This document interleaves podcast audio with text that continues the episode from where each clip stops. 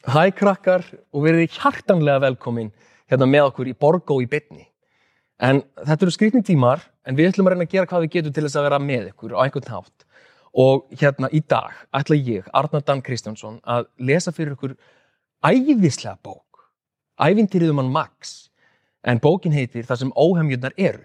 En þetta er mjög mögnuð bók því að hún er, hún er sko 57 ára gömul og hefur verið prentuð í 10 miljónum eintaka út um allan heim og börn út um allan heim er að lesa þessa bók núna. Bara núna, akkurat núna, er eitthvað barn í heiminum að lesa nákvæmlega þessa bók sem er magnað.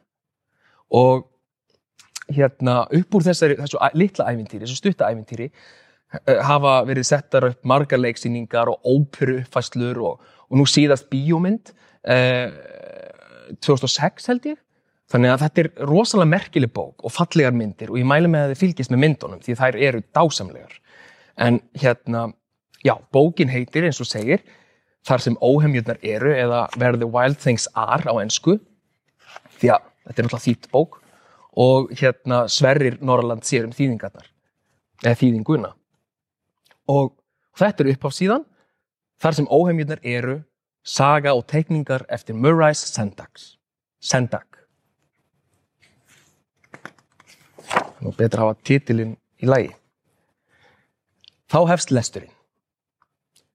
Nóttina sem Max fór í úlfabúningin sinn og orgaði og ærslaðist. Hrópaði mamma hans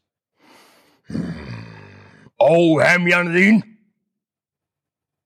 Og Max sagði Ég get þig og var sendur í háttin án þess að fá nokkur kvöldmatt.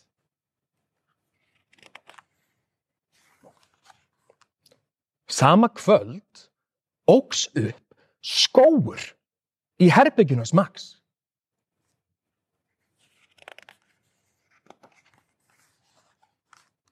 Og hann óks og óks.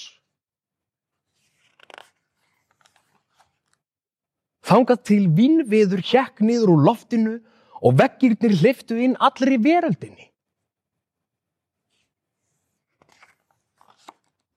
Og hafið ruttist fram með bát handa Max og hann sildi daga og nætur.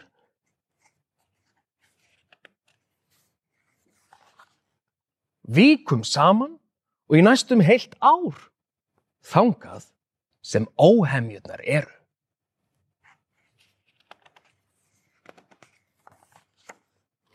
Og þegar hann kom þangað sem óhemjurnar eru, orguðu þær óurlega og gnístu tönnum sínum óurlegu og ránkvóldu í sér augunum óurlegu og síndu klærnar óurlegu.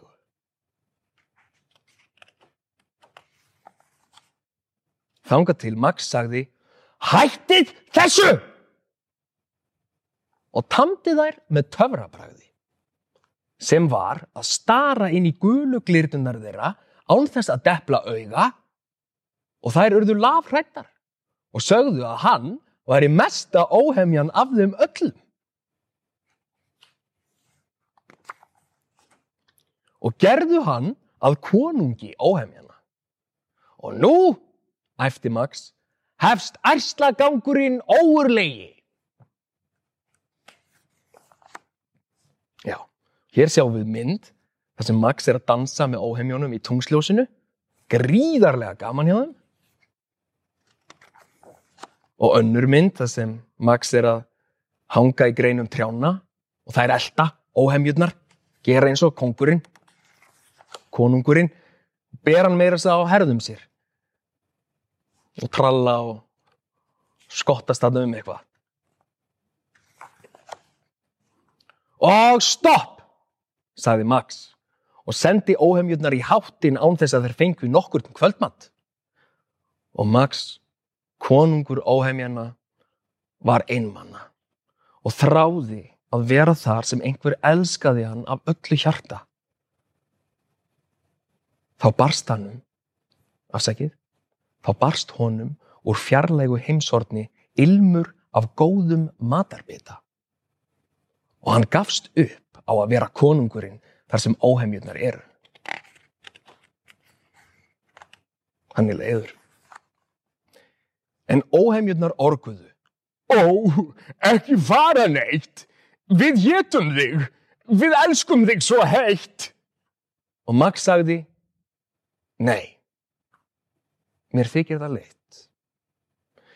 Óhemjurnar orguðu óurlega og gnístu tönnum sínum óurlegu og rángfóldu í sér augunum óurlegu og síndu klærtar sínar óurlegu. En Max steigum borði bátinn sinn og veifaði þeim í kveðjuskinni. Og sildi aftur í heilt ár og vekum saman og heilan dag.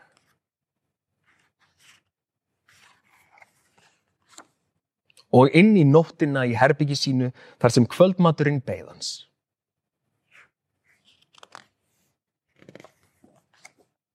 Og var enn heitur.